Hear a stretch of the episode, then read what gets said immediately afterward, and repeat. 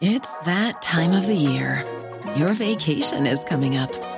You can already hear the beach waves, feel the warm breeze, relax, and think about work.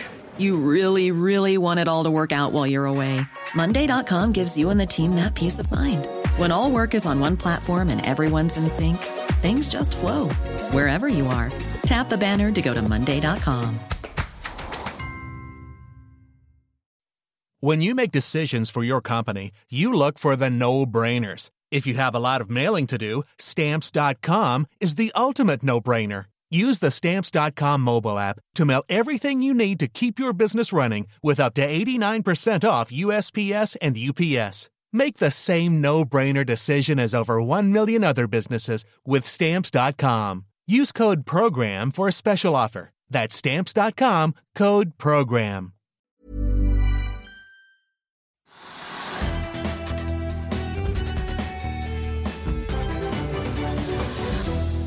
Hei og velkommen til Økonominyhetene. I dag blir det teknisk analyse av eh, Wow etter hvert.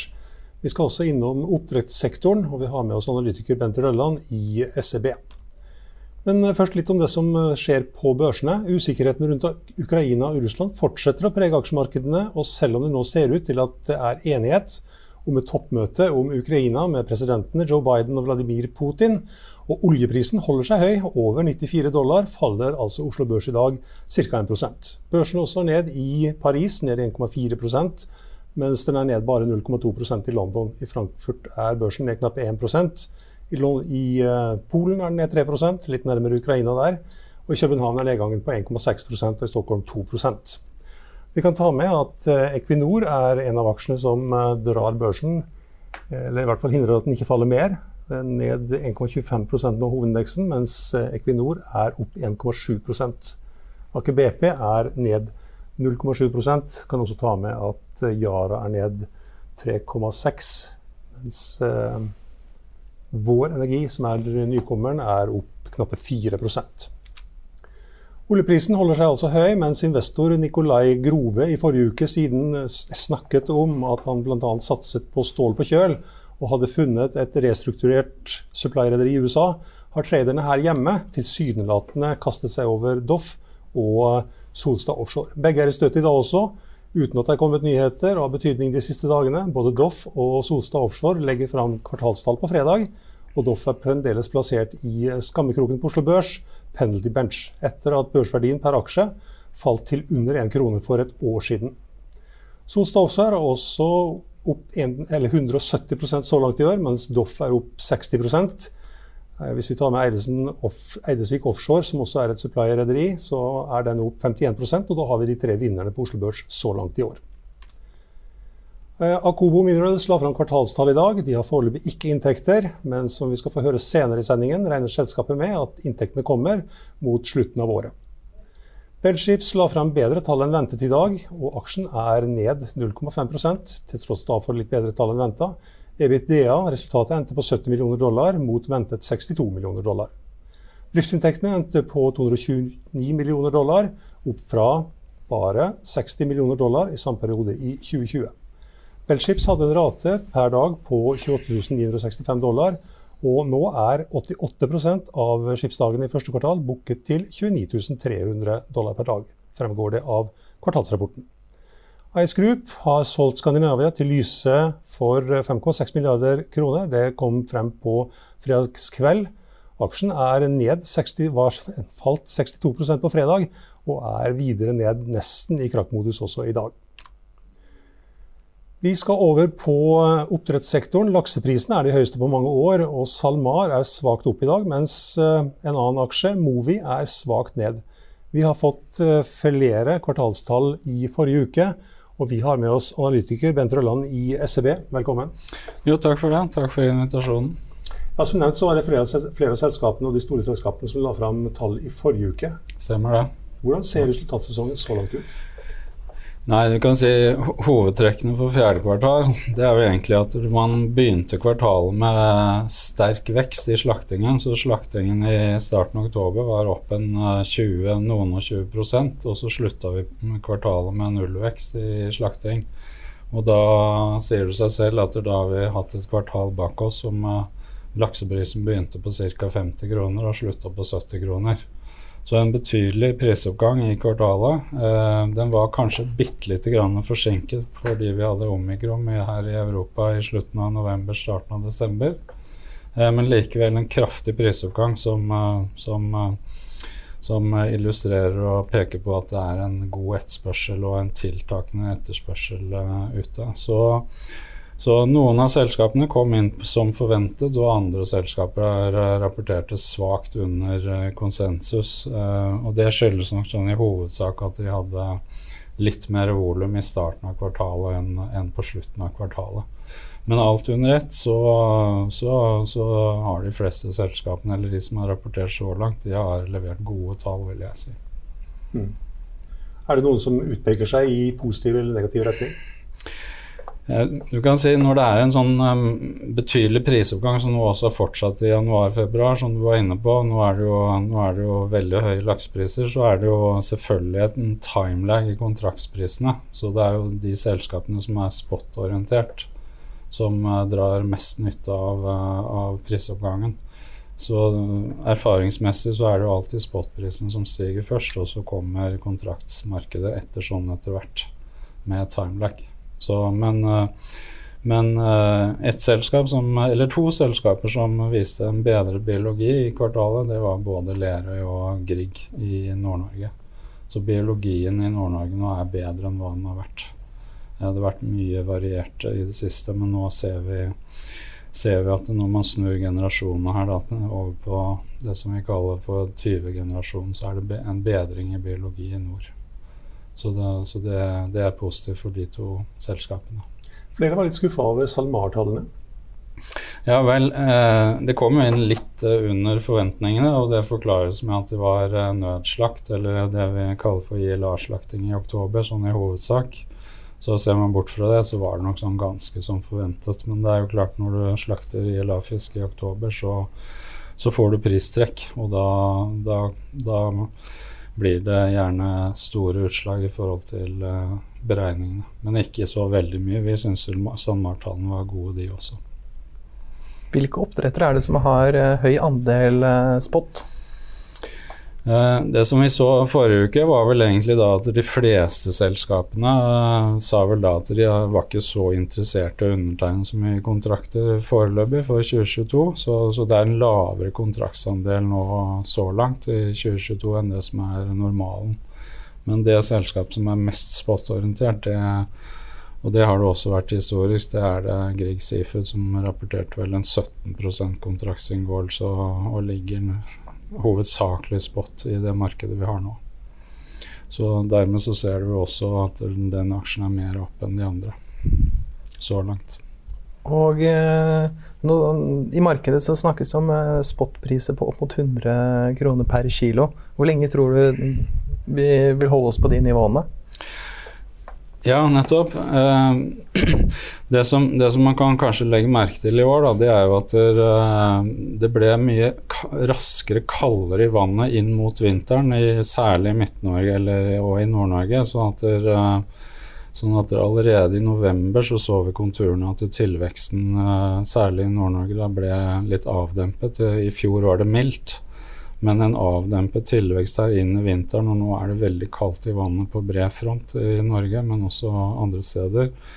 Og dermed så stopper tilveksten opp eh, om vinteren, og samtidig så, så er de fleste selskapene de er på kapasitet. Og det, det, betyr at det blir ikke så veldig mye vekst her i år. Eh, og samtidig på etterspørselssiden så så er vi nå Nå er det flere og flere samfunn og, og land som åpner opp igjen, og da, da kommer erfaringsmessig Horeca-etterspørselen, eh, hotell- og restaurantetterspørselen veldig raskt. Og det er det vi ser konsekvensene av uh, i markedet nå. Så, så vi har vel snittpriser i spot på over 90 kroner. I tillegg til det så er det jo også kinesisk nyttårsfeiring i februar. Uh, erfaringsmessig at Kina da også kjøper mer uh, i februar. Sånn at vi tror vel egentlig at de, det stramme markedet vil holde seg helt til tilveksten kommer tilbake, og det er fort ute, godt ute på sommeren. Så i mellomtida så vil vi se veldig stramt marked, gitt at samfunnet og, og etterspørselen i Horeka holder oppe og, og er tiltagende fremdeles. Og eh, hvis du ser på 2022 på helårsbasis, hva er estimatet da? Det er det vi har. Vi, vi har en uh, gjennomsnittlig oppnådd laksepris som vi legger til grunn. Vi har, uh, har en sånn midt på 60-tallet er de siste estimatene vi har. og Det er en europapris, og så honorerer vi ti kroner høyere enn det, gitt at man selger på Asia og USA. Så hvor lenge siden, uh, eller hvor gammelt er det estimatet? du, Det er ganske nylig, så, så du kan si vi er ikke sånn eh, Hva skal vi si Sånn 90 kroner, det, det, er kanskje litt i overkant, men likevel så skal man holde nøye øye med laksemarkedet her. Fordi, for det er jo det er en overraskende høy bevegelse nå i februar, for all del. Og Hvordan ligger dere i forhold til eh, konsensus? Du, jeg tror vi er kanskje litt det, har, det vet jeg egentlig ikke, men jeg tipper vi er kanskje litt over konsensus. Bakkafrost kommer i morgen. Hva kan vi vente oss der? Nettopp. Um, Bakkafrost har jo hatt uh, mye dødfisk i kvartalet. De har jo sendt en profit-warning her før jul, sånn at vi forventer vel egentlig en sånn moderat uh, inntjening for kvartalet. Um, slik at uh, Jeg tror ikke man skal forvente all verden i morgen, men det som er interessant med Bakkafrost-aksjen, den har jo gått veldig bra i det siste. Men det, det som er interessant der, er jo at den er jo ledende for å, for å levere høykvalitetslaks i nettopp Horeka. Så hvis man legger til grunn at Horeka-markedet kommer tilbake nå på bred front, så, så bør Bakkafrost fremover eh, være veldig godt skodd til å levere i de høysegmentene som de er eksperter på. Så vi har den på kjøpsanbefaling. Mm. NRS og NTS, eh, vepsebolet, kommer på onsdag. Hva kan ja, vi forvente der? Jeg, jeg, tror vel egentlig nå at fasiten er, eh, er eh, Vi har fasiten, og at SalMar har fått forhåndstilsagn med over 50 av, av eierne som ønsker å veksle inn aksjene i SalMar-aksjer. Slik at jeg tror ikke det er noe sånn veldig overraskelser på onsdag. men men det har jo vært veldig mye energi og, og litt frem og tilbake på den kanten i det siste. Men nå tror jeg vi har fasiten, og det, og det blir en betydelig konsolidering her eh, med, med SalMar som, som, uh, som hovedregissør. Hvilke type, Hva tror du Gustav Witzøe egentlig Hvilke synergier er det han ser i NTS? Det var vel eh, kanskje litt som man fikk spørsmål om også på presentasjonen, men det er jo, det er jo snakk om å bygge et, eh, et, uh, vesentlig større selskap langs norskekysten. Sånn at selskapene har jo overlappende produksjonskapasitet og optimalisere og ta ut kostnadssynergiene all den tid du har overlappende virksomheter. og, og Um, også at det passer, passer, sammen. Men det er å bygge en ny nummer to-spiller uh, i bransjen etter, etter Movi. Så det er en vesentlig konsolidering nå som er, som er under oppseiling, da, som, hvor man da også veksler aksjer til en gitt kurs, som nå er fastsatt. Og Frøy. Eh, NTS er jo storaksjonær i Frøy. Hvordan vil Frøy passe inn i SalMar? Nettopp. Eh, jeg tror eh, Nå var det vel eh, SalMar fikk vel også det spørsmålet. sånn at jeg tror man liksom må ta én ting av gangen her. For det er jo NTS er et enormt stort selskap. Men hvordan man skal strukturere og, og sånn, så tror jeg rett og slett at det er riktig som Gustav Witzøe sier, at det får man komme tilbake til. Sånn at man tar ting i tur og orden. Så, men vi har ikke noen sånn uh, sterke synspunkter på hvordan hvordan man eventuelt har tenkt å innordne Frøy, Frøy i et nytt konsern. Denne her, eh, prosessen her, kan det trigge andre prosesser i tida som kommer? Ja, nettopp. Jeg, jeg, tror vel egentlig ikke sånn direkte, men det som er en ny situasjon i, i oppdrettsbransjen, er jo forme, eventuelt at det nå blir full formuesskatt blant de unoterte familiebaserte selskapene. Det er en vesentlig skatteskjerping i forhold til tidligere, og det kan jo muligens uh, lede til uh, konsolidering. Så det er en helt ny situasjon eventuelt om, om uh, lisensene skal verdsettes til markedspris når man beregner formuesskatt. Så det kan, det kan, ha konsekvenser. Hvilket selskap eventuelt er det neste som kan bli kjøpt opp eller inngå i en sånn re ja, restruktureringsprosess i bransjen? Ja, vel, jeg, jeg, tror ikke vi skal spekulere så mye i det. Men jeg tror mer sånn generelt så tror jeg kanskje at det, altså, altså, konsolidering går sin gang. Og eh, bransjen blir større og større, og vi er Det er global eh, Man konkurrerer globalt. Og, eh, og eh, sånn sett så tror jeg det er eh, det er nok mer, mer, mer, naturlig at det blir videre konsolidering, at det ikke blir det. Så, men det er vel det er vel da en global eh, bransje og et globalt uh, salg. Det krever nok uh, slagkraftige, litt større selskaper, og den prosessen går sin gang. Mm. Av de selskapene vi ikke har snakka om, hvilke syns du er de mest spennende? Det som vi har, uh, vi har favorittene våre for, for 2022, det er Lerøy og, og Grieg. de har lavere multipler enn en de andre. så og samtidig så var jeg inne på at biologien i de to selskapene ser ut til å være litt i bedring. Eh, så lavere multipler, det, det, det tror vi er, er uh, viktig i år. Eh, de store selskapene har jo høye multipler, så, og aksjene har jo steget mye. Så sånn sett så må vi si at det er jo det er jo det er en moderat oppside igjen her. Vi kan ikke tro at aksjene skal vesentlig videre opp. Men, men Lerøy og Grieg Seafood er favoritten for, for, i år, og så langt så har det, har det fungert bra. En aksje jeg syns er veldig interessant, det er Austevoll. Følger du den? Vi bruker ikke veldig mye tid på Austevoll, men, eh, men, for all del. Eh, råvarepriser er, i, er på vei opp, og, og, de er jo hovedeier i Lerøy også, så sånn sett så, så så er det et konsern hvor, eh, hvor, de fleste produktprisene som eh, er i det konsernet, de ser ut til å være på vei opp. Både torsk og ørret og, og, laks, men også, også, pelagiske råvarer. For Når jeg sitter og ser på, på Lerøy, så syns jeg på en måte det er en veldig uoversiktlig struktur. At uh, de kanskje ikke helt får frem verdiene der. Nettopp. Nei, altså restverdien i Austevoll er ganske beskjeden i forhold til hvor store selskaper som er i Austevoll. Det er jeg enig i. Så, men om det er en konglomeratsrabatt, så det kan virke sånn. Kanskje det er Møgster-familien som skal spare formuesskatt. Noen liker også Måsøhval. Hva tenker ja, du om den? Ja. Jo, det, vi har ikke klart å ta opp dekning på den uh, ennå, for å være ærlig, men, uh, men, de driver godt og har ord på seg for å drive godt i alle år. Mm. Så flinke oppdrettere. Vi må snakke litt om oppdrett på land. Ja. Hva tenker du om det? Nettopp. Uh, du, vi, vi, vi, holder øye med landbasert industri. Um, og så syns vi det er, det er, veldig tidlig i landbasert industri. Du skal be, beherske en teknologi som ennå ikke er utprøvd i stor skala. Og, og, sånn sett så er det jo selvfølgelig en betydelig risiko fremdeles.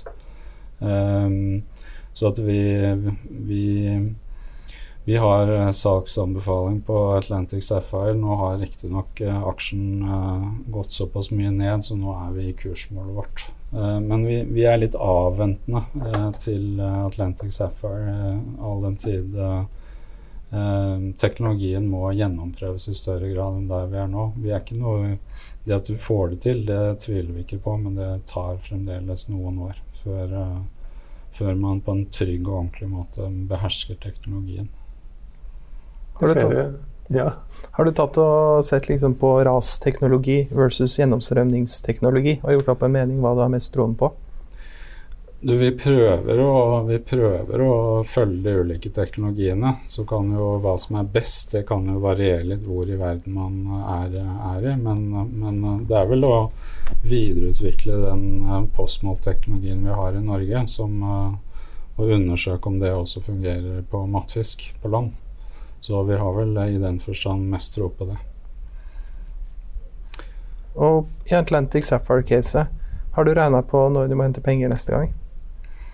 Du, vi, vi, har vel bare sagt at kapitalstrukturen der er krevende. Og at der, for å realisere de veldig høye målene de har, så, så, så krever det mer kapital. Men vi har ikke tatt stilling til detaljene i det.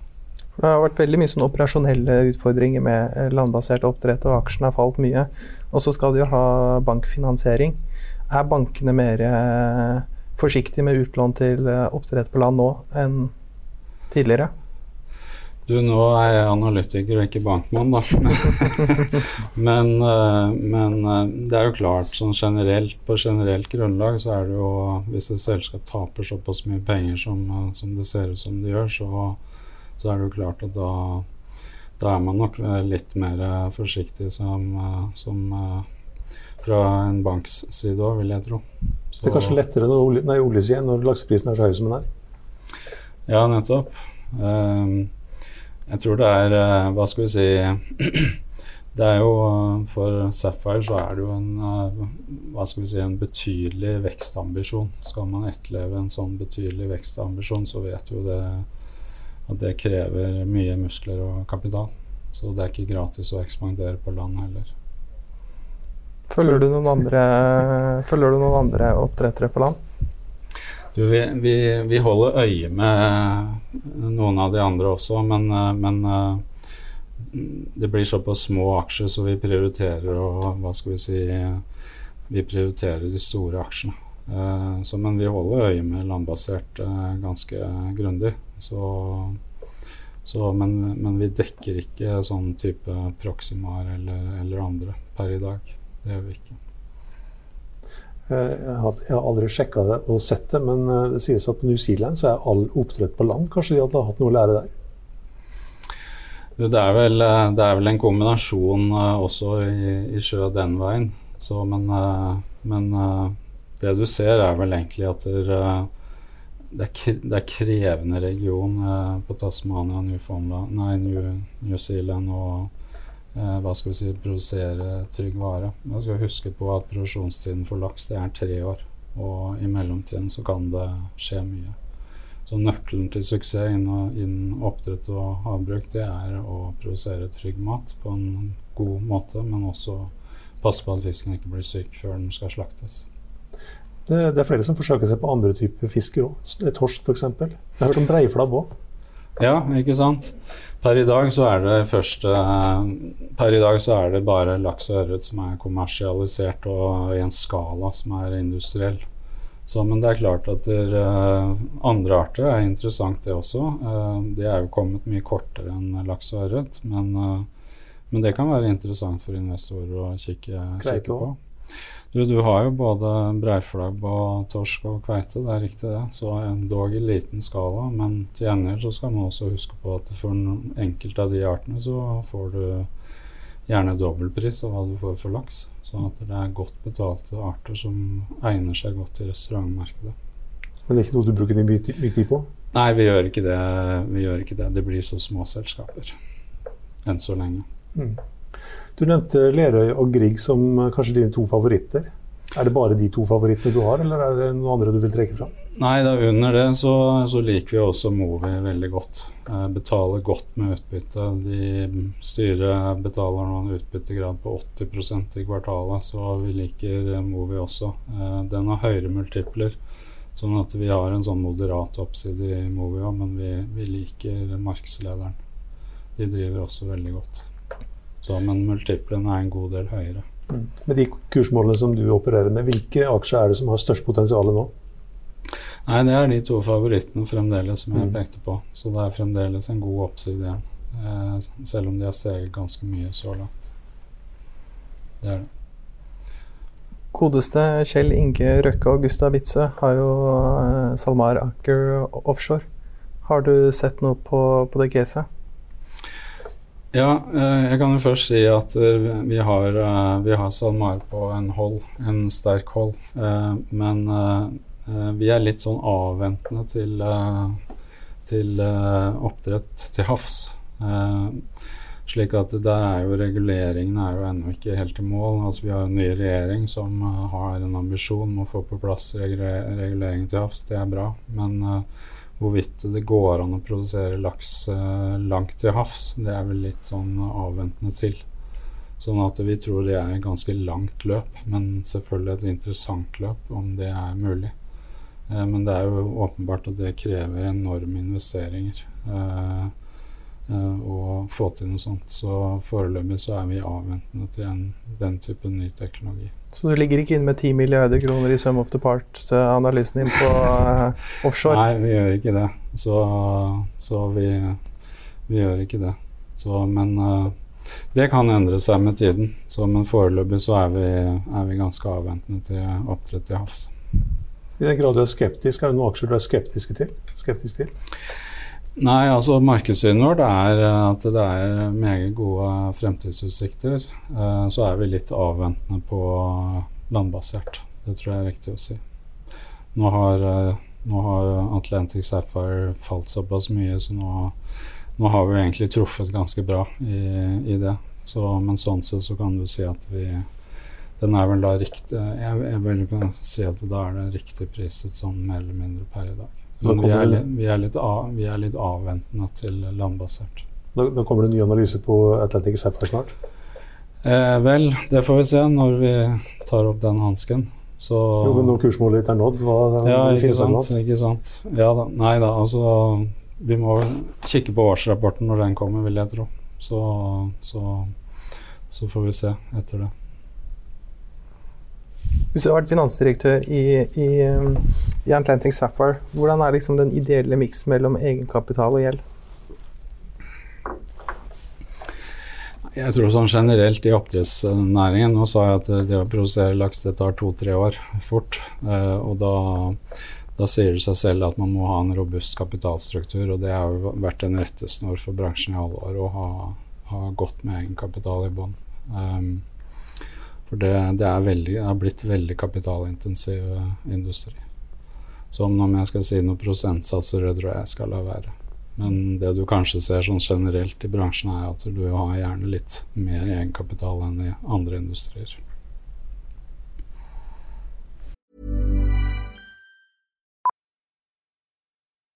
Millions of people have lost weight with personalized plans from Noom, like Evan, who can't stand salads and still lost 50 pounds. Salads, generally, for most people, are the easy button, right? For me, that wasn't an option. I never really was a salad guy. That's just not who I am. But Noom worked for me. Get your personalized plan today at Noom.com. Real Noom user compensated to provide their story. In four weeks, the typical Noom user can expect to lose one to two pounds per week. Individual results may vary. I'll see you in court. Vi sier det ofte litt på spøk. Men for deg som driver business, er det aldri moro å innse at du ikke har laget en 100% gyldig kontrakt. Du bør ikke risikere hele firmaet ditt fordi du synes dette med kontrakter er litt stress. En avtale er ikke en avtale.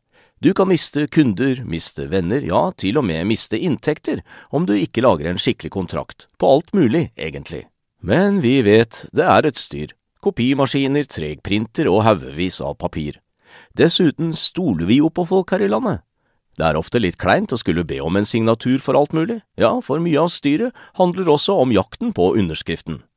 Det finnes en enkel måte å løse dette på, Dukkobit, en trygg, effektiv og get this, gratis måte å sikre seg en god natts søvn pluss en juridisk bindende avtale. Dukkobit-appen har de strengeste sikkerhetskrav i bunn, samt en EU-godkjent og sertifisert teknologi. Framover vil det bli behagelig å spørre du, skal vi skrive under på det, eller? Kom i gang på dokobit.no. Ja. Tusen takk for at du var med oss. Eh, da skal vi gå videre. Ta en titt på Eller nei, forresten. Gullselskapet Akobo Minerals la fram tall for fjerde kvartal i dag. Og vi tok en prat med administrerende direktør Jørgen Evjen. Jørgen Evjen, dere har lagt et uh, år bak dere uh, med Q4. Hvordan vil du oppsummere 2021? 2021 har vært et fantastisk år for oss. Eh, vi har ja, levert på alle områder. Vi leter jo etter gull i Etiopia. Eh, spennende. Vi har funnet mye gull og påvist mye gull, og det er gull det stort sett går i hele tiden. Så vi har levert på de milepælene vi har lovet. Eh, vi har gått fra å være et leteselskap til å bli et snart gruveselskap. Vi har fått en gruvelisens i fjor, som gir oss rettigheter til å ta opp gullet av bakken.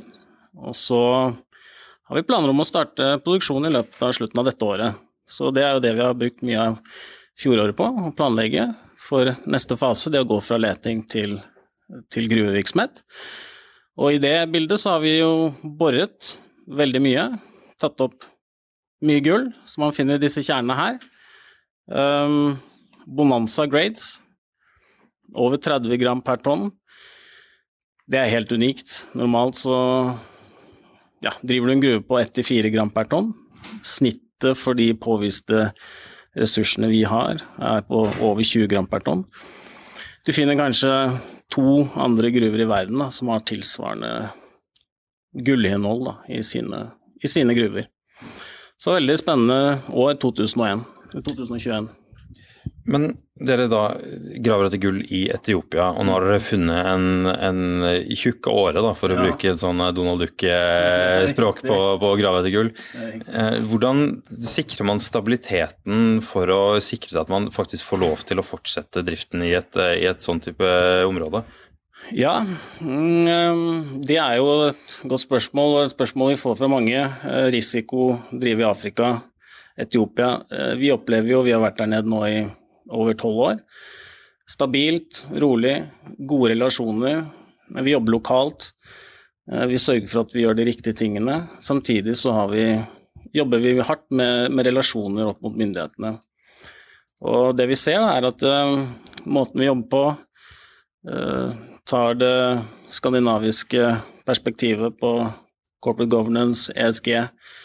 Så kobler vi det med mye lokal kunnskap. Vi putter all vår finansiering i Etiopia.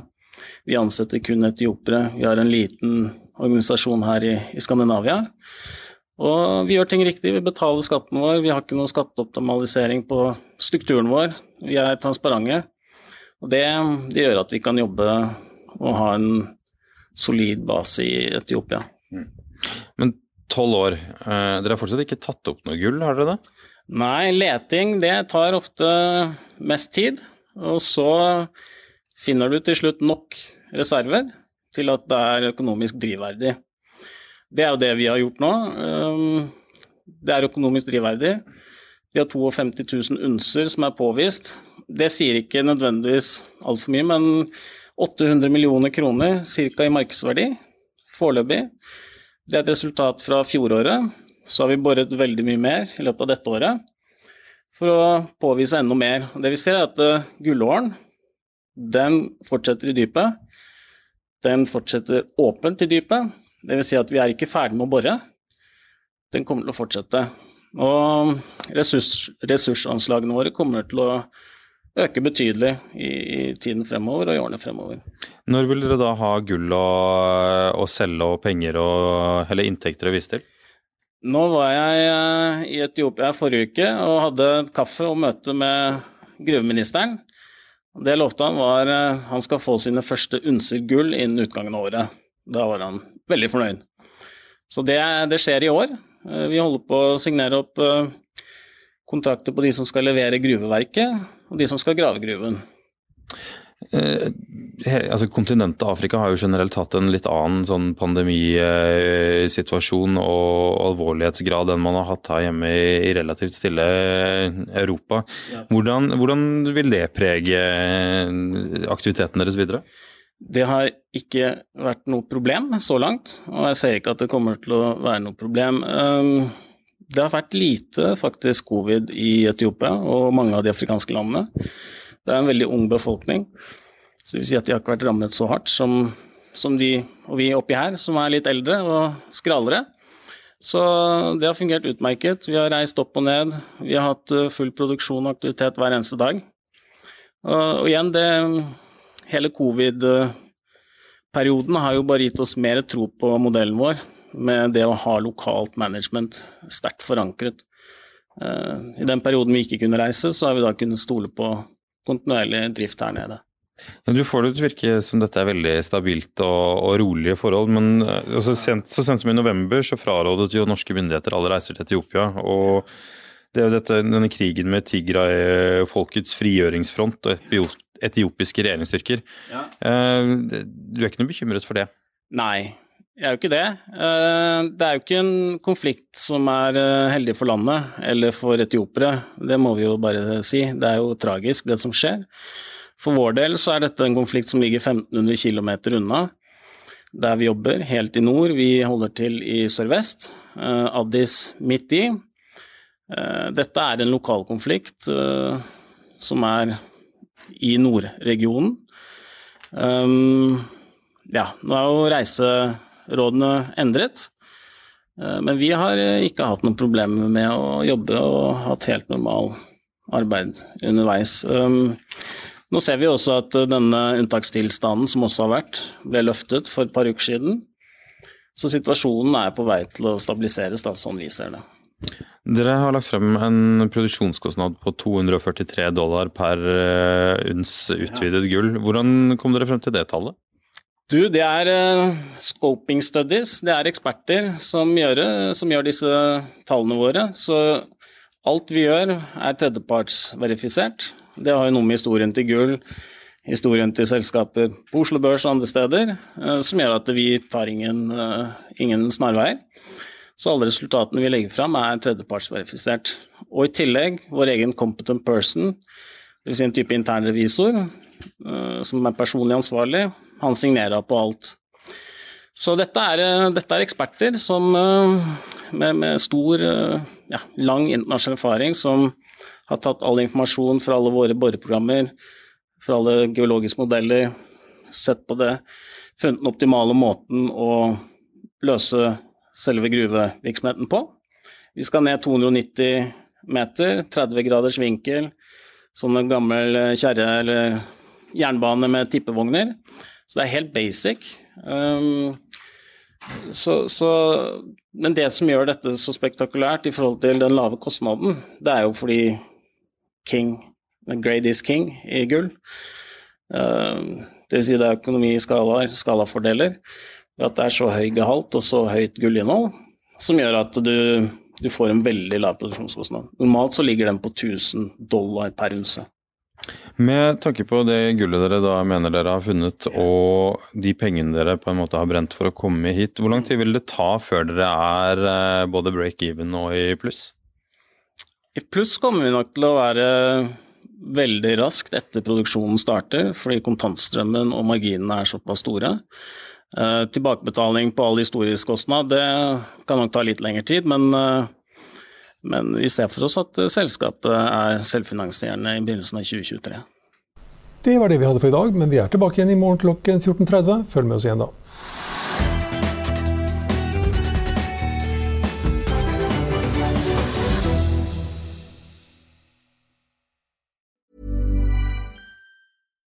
When we're on a budget, we still deserve nice things. Quince is a place to scoop up stunning high-end goods for 50 to 80% less than similar brands. They have buttery soft cashmere sweaters starting at $50, luxurious Italian leather bags, and so much more. Plus, Quince only works with factories that use safe, ethical, and responsible manufacturing. Get the high-end goods you'll love without the high price tag with Quince. Go to quince.com/style for free shipping and 365-day returns. Økonominyhetene er en podkast fra Finansavisen. Programledere er Marius Lorentzen, Stein Ove Haugen og Benedikte Storm Bamvik. Produsenter er Lars Brenden Skram og Bashar Johar. Og ansvarlig redaktør er Trygve Hegnar.